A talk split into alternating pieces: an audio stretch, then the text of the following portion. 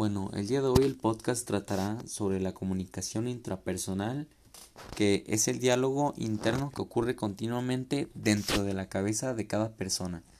Básicamente es una plática contigo mismo que está ocurriendo en tu cabeza.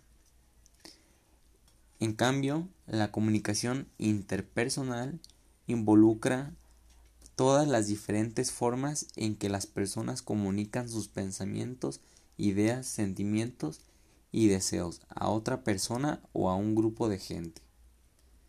Es todo por hoy, gracias.